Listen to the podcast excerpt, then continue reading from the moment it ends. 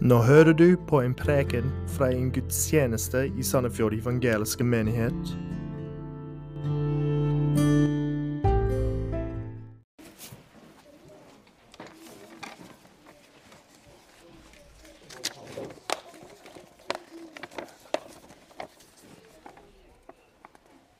God dag, alle sammen.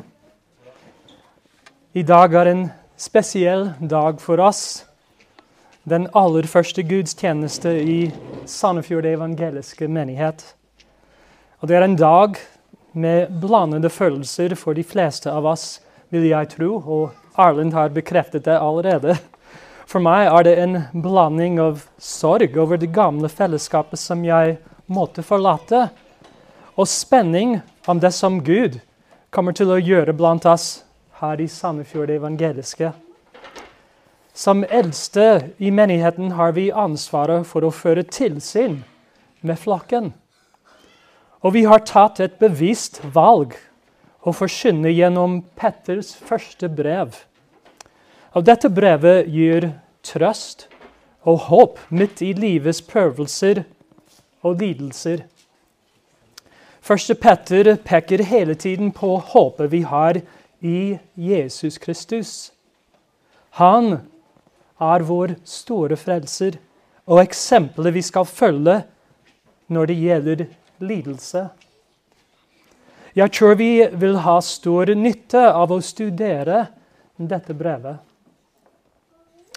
I dag skal jeg gi en introduksjon til Petters første brev. Prekenen har tre hovedpunkter.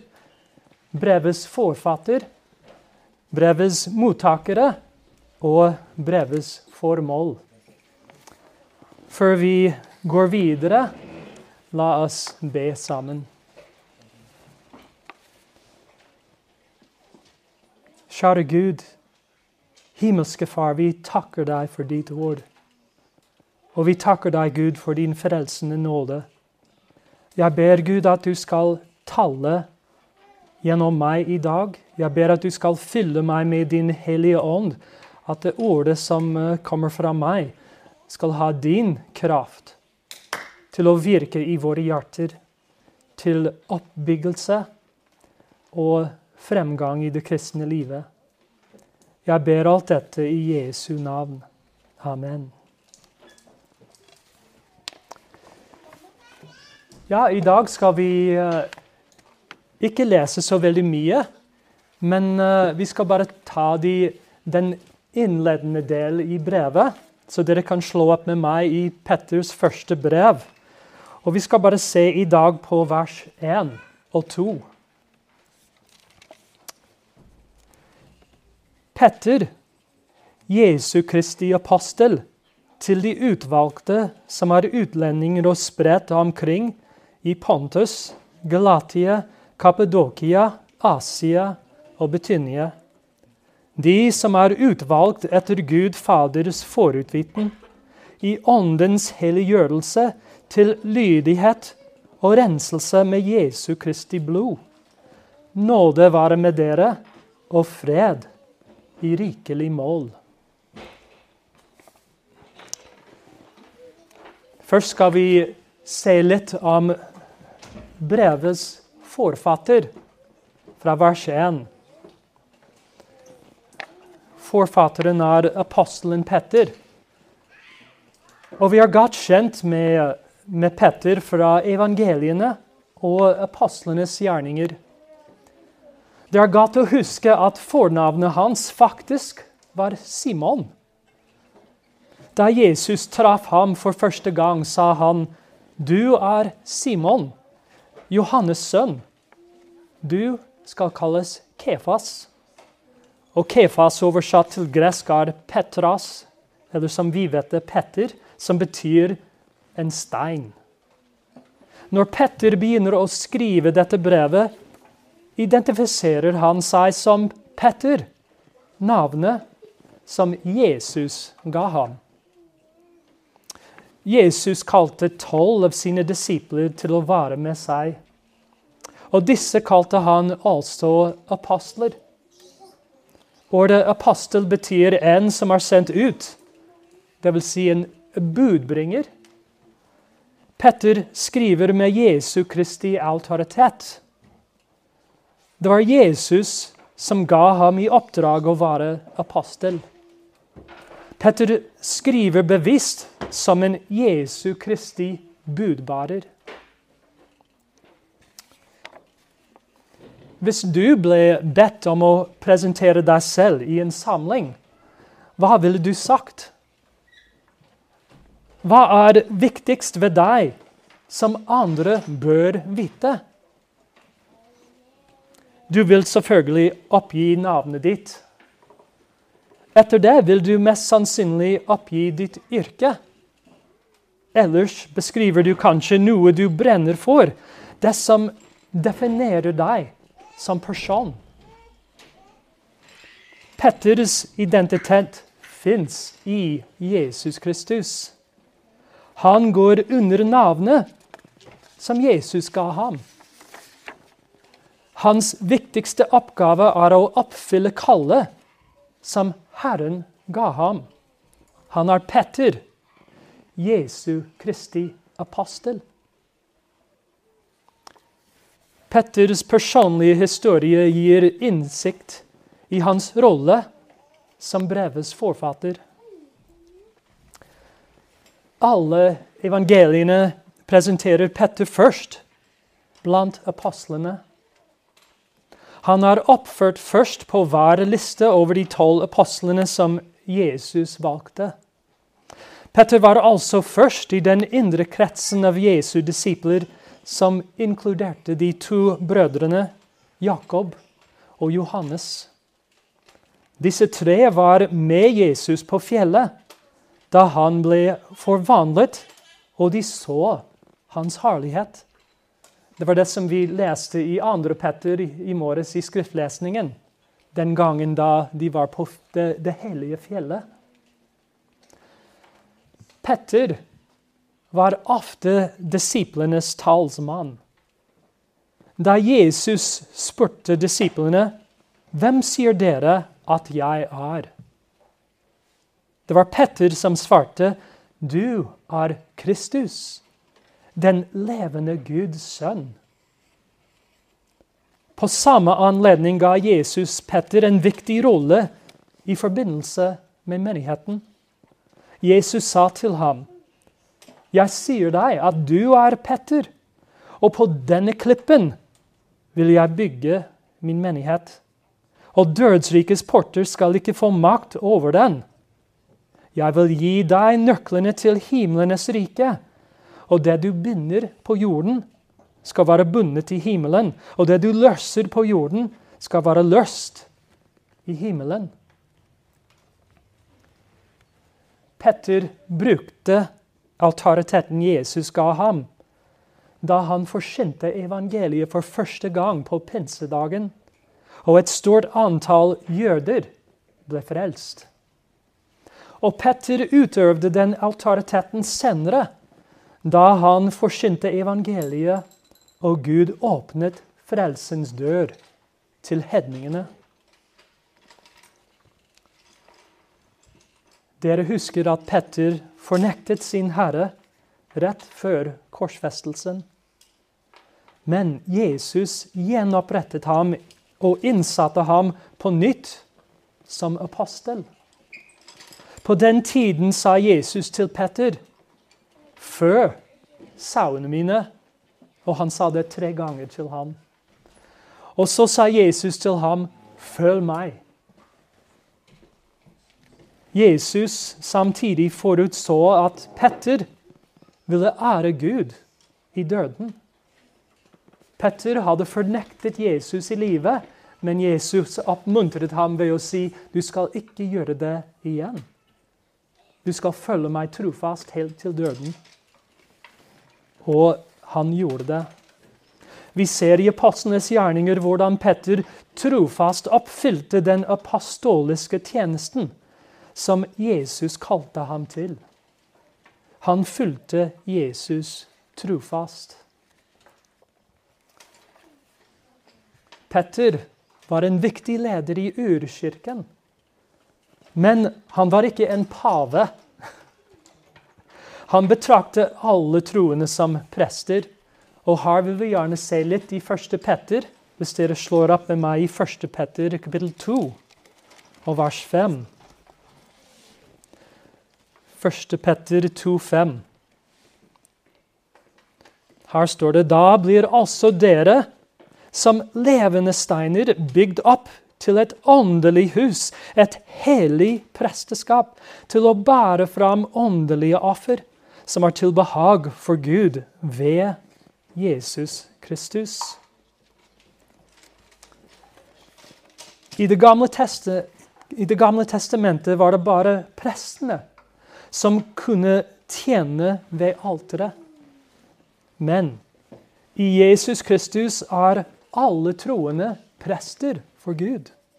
Vi kan alle tilbe Gud i ånden. Petter var ikke en mellommann mellom mennesker og Gud. Nei, vi er alle prester for Gud som troende.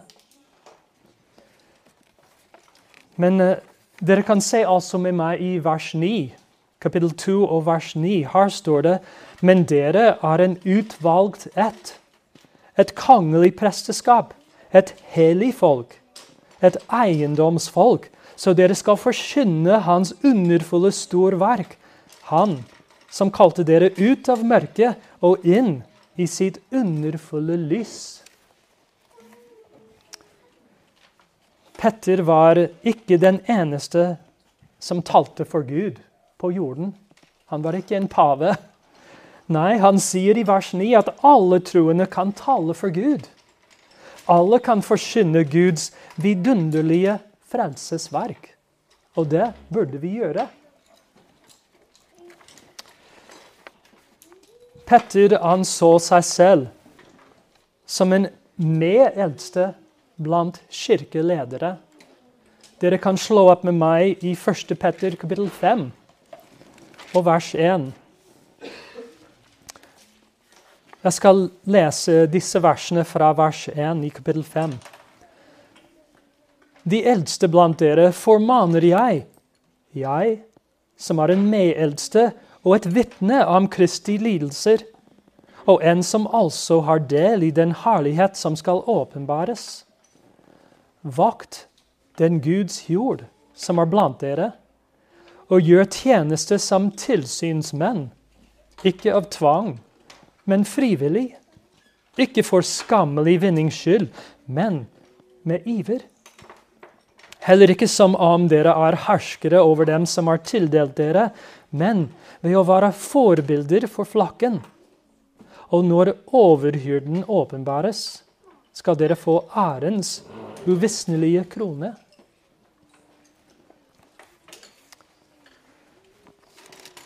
Vers 2-4 gir innsikt i hvordan Petter forsto eldste-rollen. En eldste tjente menigheten ved å føre tilsyn med flakken. Han var ikke en hersker over flakken, men et eksempel for flakken. I tillegg tjente han under overhyrden, som er Jesus Kristus. Petter hadde lært godt av den gode hyrde hvordan han skulle ta vare på menigheten med kjærlighet og ydmykhet.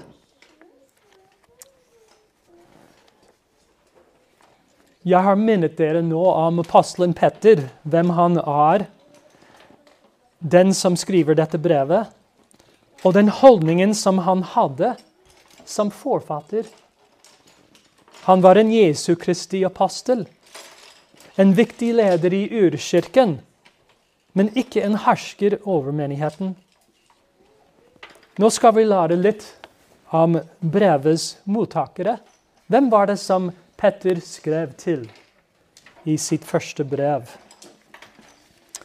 Hvis vi går tilbake til første kapittelet, vers 1 Petter, Jesu Kristi apostel, til de utvalgte som er utlendinger og spredt omkring i Pontus, Galatia, Kappadokia, Asia og Betinia.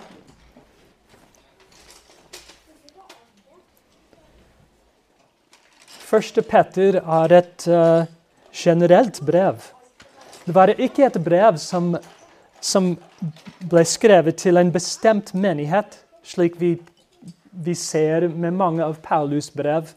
Paulus som skrev til uh, menigheten i Korint, uh, i Filippi eller de andre stedene hvor han var. Men uh, første Peder er, det er et generelt brev. Og de kristne som ble adressert i brevet, bodde i Pontus, Galatia, Kappadokia, Asia og Betynia. Disse navn betyr ingenting for oss i dag. Men uh, landområdet som er nevnt, ligger sør for Svartehavet og nord for uh, Middelhavet. Det er et stort område som spenner over hele det moderne Tyrkia. Det var det området hvor alle disse kristne ble spredt omkring. Og det var de som, som Petter skrev til. Kappadokia, Pontus og Asia nevnes i Apostlenes gjerninger, kapittel 2. Jøder fra disse og andre steder hørte Petter forkynne evangeliet på pinsedagen. Noen mener at Petter skriver til jøder som ble frelst på pinsedagen. Men dette stemmer ikke med interne bevis i brevet. I kapittel 1, vers 12 viser Petter til dem som forkynte evangeliet til dere ved Den hellige ånd. Så han var tydeligvis ikke den som forkynte evangeliet for dem. Så mottakerne var ikke blant de som ble frelst på pinsedagen. Hvem er de, da? Petter beskriver dem slik.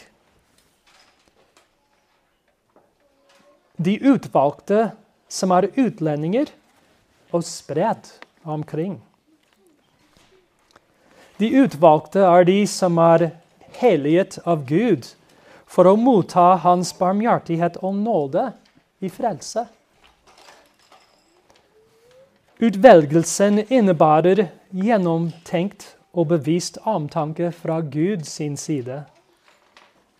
Han viser stor kjærlighet til de han har valgt. For en uke siden feiret uh, Mary Scott og jeg årsdagen for vår uh, første date.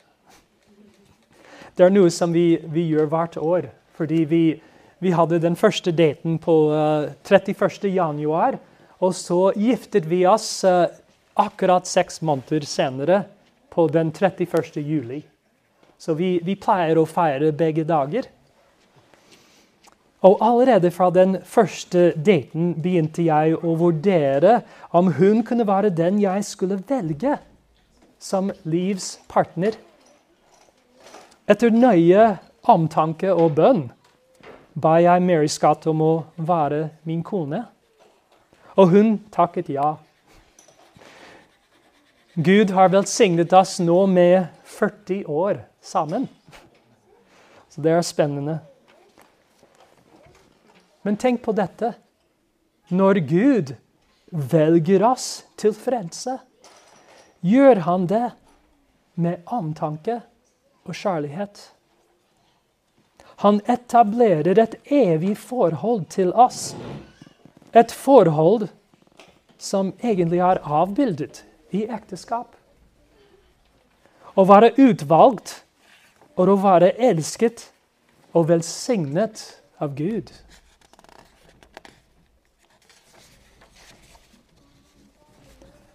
De som Petter skriver til, hører til de utvalgte. De som er høyt elsket av Gud. Det andre ordet Petter bruker om sine mottakere, er eh, utlendinger. Kanskje noen av dere har vært en utlending? Jeg, jeg er det hele tiden.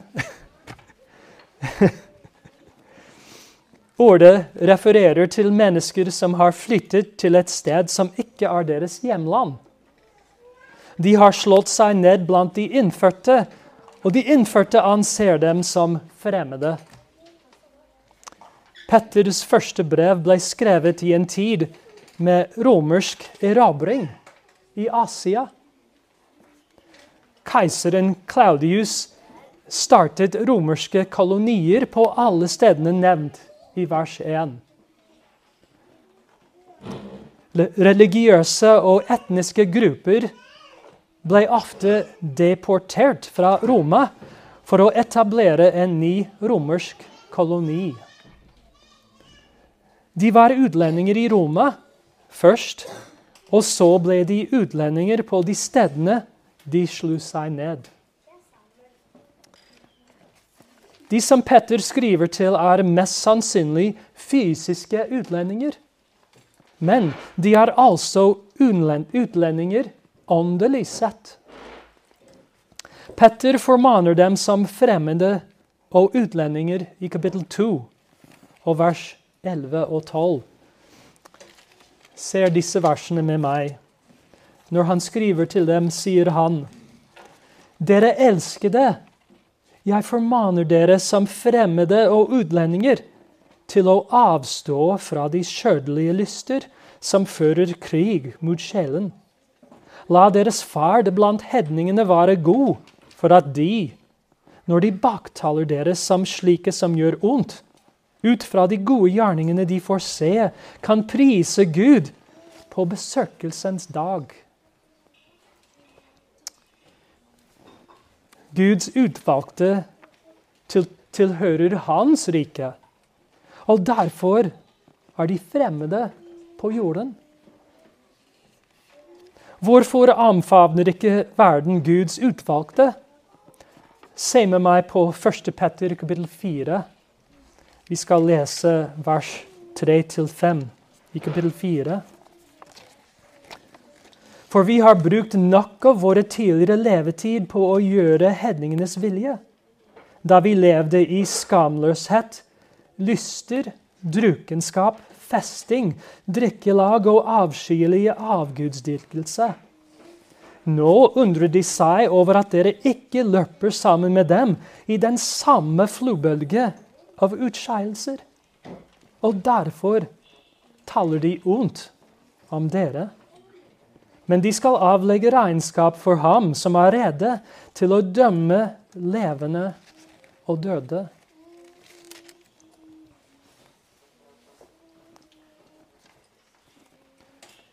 Guds utvalgte leve etter Guds vilje, ikke menneskets vilje. Jeg kan identifisere meg med det Gud kommuniserer her gjennom apostelen Petter. Jo lenger jeg lever, jo mer anerkjenner jeg at jeg er en himmelsk borger. Jeg letter etter og lengter etter Jesus Kristus, min konge og min Gud. Petters mottakere beskrives som utlendinger som er spredt omkring. Det greske ordet for 'spredt' er diaspora. Et ord som vi er litt kjent med. Det er et ord som brukes ofte om jøder som bor utenfor Israel.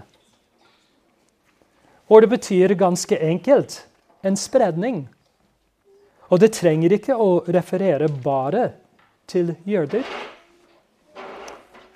Det er uenighet om hvorvidt første Petter er skrevet primært til jødiske eller ikke-jødiske troende. Vi vil ikke ta tid med dette, men jeg tror personlig at Petter skrev til en blanding av troende jøder og hedninger.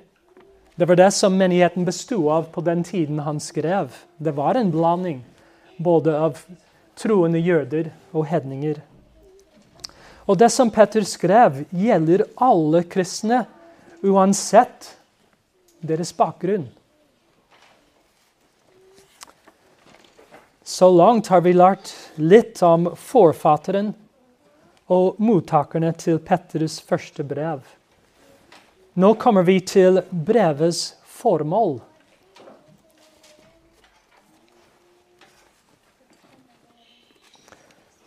I sitt første brev skriver Petter om håp i lidelse. Lidelse som tema dukker opp i hvert kapittel i 1. Petter. Lidelsen som beskrives, inkluderer forfølgelse, men det er ikke begrenset til det. Petter snakker altså om de daglige prøvelsene som alle kristne møter på grunn av sin tro. De som Petter skriver til, trenger oppmuntring. De er utlendinger, både fysisk og åndelig sett.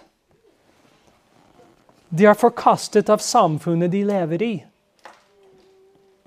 De er spredt omkring og måtte kanskje forlate et åndelig fellesskap som de tilhørte tidligere.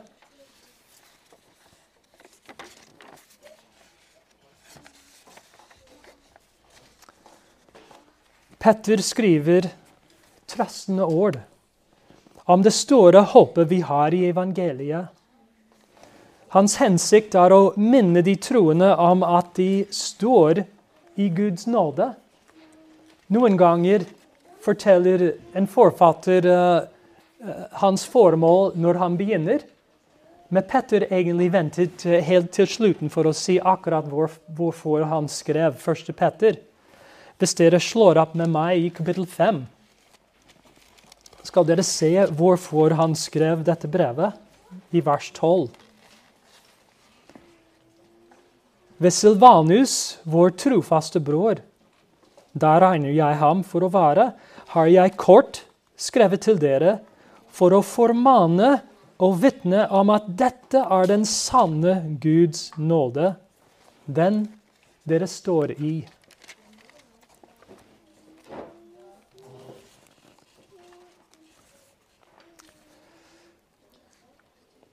Hans hensikt er, er å minne de troende om at de står i Guds nåde. I åpning hilsen, som vi studerer i dag, minner Petter sine lesere om deres identitet i Kristus Jesus. Deres identitet i Kristus er grunnlaget for deres håp. Skal vi se tilbake i det første kapittelet igjen, og i vers 2.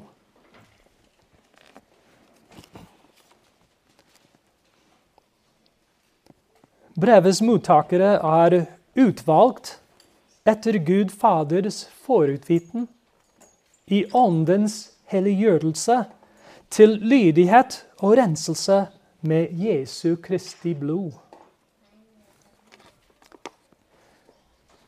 Legg merke til at hele guddommen involveres i de troendes frelse. Jeg syns at dette er veldig viktig å se Fader, Sønn og Hellig Ånd spiller hver sin rolle i frelsen. Gud er ikke halvhjertet når det gjelder vår frelse. Nei, han er fullt engasjert i det. Troende er utvalgt etter Gud Faders forutviten. Selv om de blir forkastet av verden, er de dyrebare for Gud.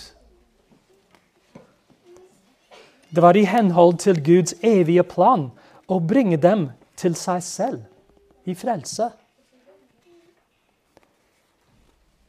Mange troende opplever tvil. Og de plages av spørsmålet er jeg virkelig en av de utvalgte. Min kone Mary Scott opplevde akkurat det. Så jeg skal si litt om, om hennes vitnesbyrd for å opplyse dette her. Hun omvendte seg fra synd og vendte seg til Jesus i tro som ung jente. Men hun opplevde tvil gjennom hele tenårene. Hun, hun lurte på om bønnen hennes var god nok, og om hun hadde nok tro. Hun ba mange ganger for å bli, bli frelst. Til slutt forsto hun at fokuset hennes var feil. Hennes frelse var ikke avhengig av hennes tro, Men på den hun stolte på. Hun trodde Guds løfte når han sier, 'Den som påkaller Herrens navn, skal bli frelst'. Hun innså at Gud ikke lyver, og at hun kunne stole på Hans ord til henne. Hun var en av Guds utvalgte. Hvis du er usikker om din frelse, bare se videre hva Gud har gjort for deg. Troende er utvalgt i åndens helliggjørelse. De er utvalgt i åndens helliggjørelse. Hvis du har kommet til tro på Jesus, er det på grunn av at Den hellige ånd har gjort et verk i deg, i ditt hjerte. Da Petter sa at Jesus er Kristus, den levende Guds sønn, sa Jesus til ham, Salig er du, Simen Barione, for kjøtt og blod har ikke åpenbart dette for deg, men min far, han som er i himmelen. Og slik er det med alle som bekjenner Jesus som Herre. De er ikke klokere eller bedre enn andre. Nei, Gud, Den hellige ånd, har åpnet deres øyne for å se Jesus som han er. At du tror på Jesus, har ikke en selvfølge. Vi leser i Skriften at selv den troen som vi har, er en gave fra Gud. Det er Han som åpner våre øyne slik at vi kan forstå hvem Jesus er. Det er Den hellige ånd som overbeviser oss om synd, og at vi trenger en frelser. Det er ikke noe selvfølge.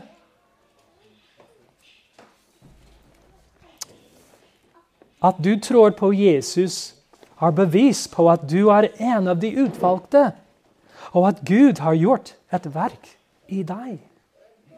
Ikke ta det for gitt. Troende er utvalgt til lydighet og renselse med Jesu Kristi blod. Det er Den hellige ånd som åpner våre øyne, men han leder oss til Jesus Kristus. Fordi det er hans blod som renser oss fra synd. Det er Den hellige ånd som gir oss innsikt i hvem Jesus er og hva han gjorde på korset. At Jesus, når han døde på korset, det var for meg at han døde der. Han døde i mitt sted, og jeg har kommet til tro på ham og har fått renselse for synd gjennom Jesus Kristus. Vi kan takke Gud at han har gjort alt som trengs til å bringe oss til seg selv. At Faderen har utvalgt oss. Den hellige ånd har, har gitt oss den overbevisning om hvem Jesus er, og vi har kommet til Jesus i tro.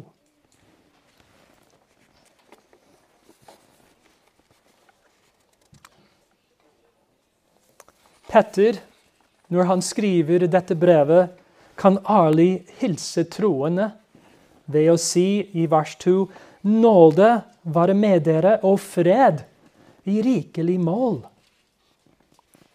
Hvorfor kan han si det? Jo, fordi de er høyt elsket av Gud. De er Guds utvalgte. De står i Guds nåde. Og for en velsignelse det er.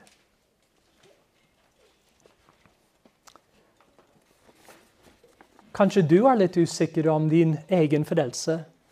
Jeg håper at disse versene vil enten overbevise deg at du er en av de utvalgte, at du står i Guds nåde, eller at du trenger en frelser. At du må tro på Jesus Kristus personlig. Arle nevnte i begynnelsen at vi har mange barn i menigheten, og det stemmer. Og jeg tror det er viktig for oss som en menighet å be for hverandre. Be for våre barn. At de skal komme til troen.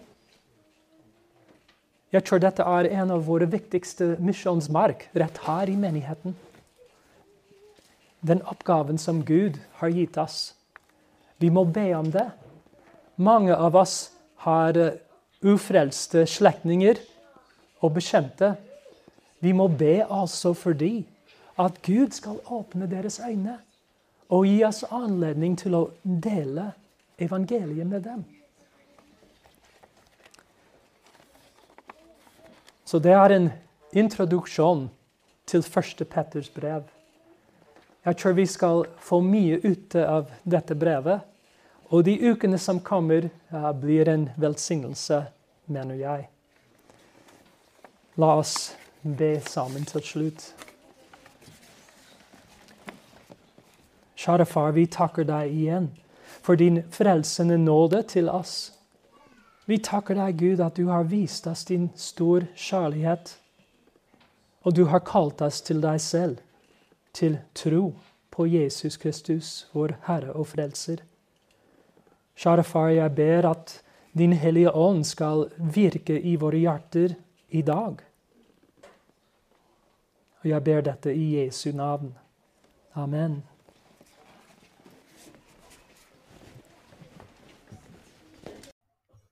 Takk for at du hørte på denne prekenen. Ønsker du mer informasjon, besøk sandefjordevangeliske.no eller vår Facebook-side Sandefjord evangeliske menighet.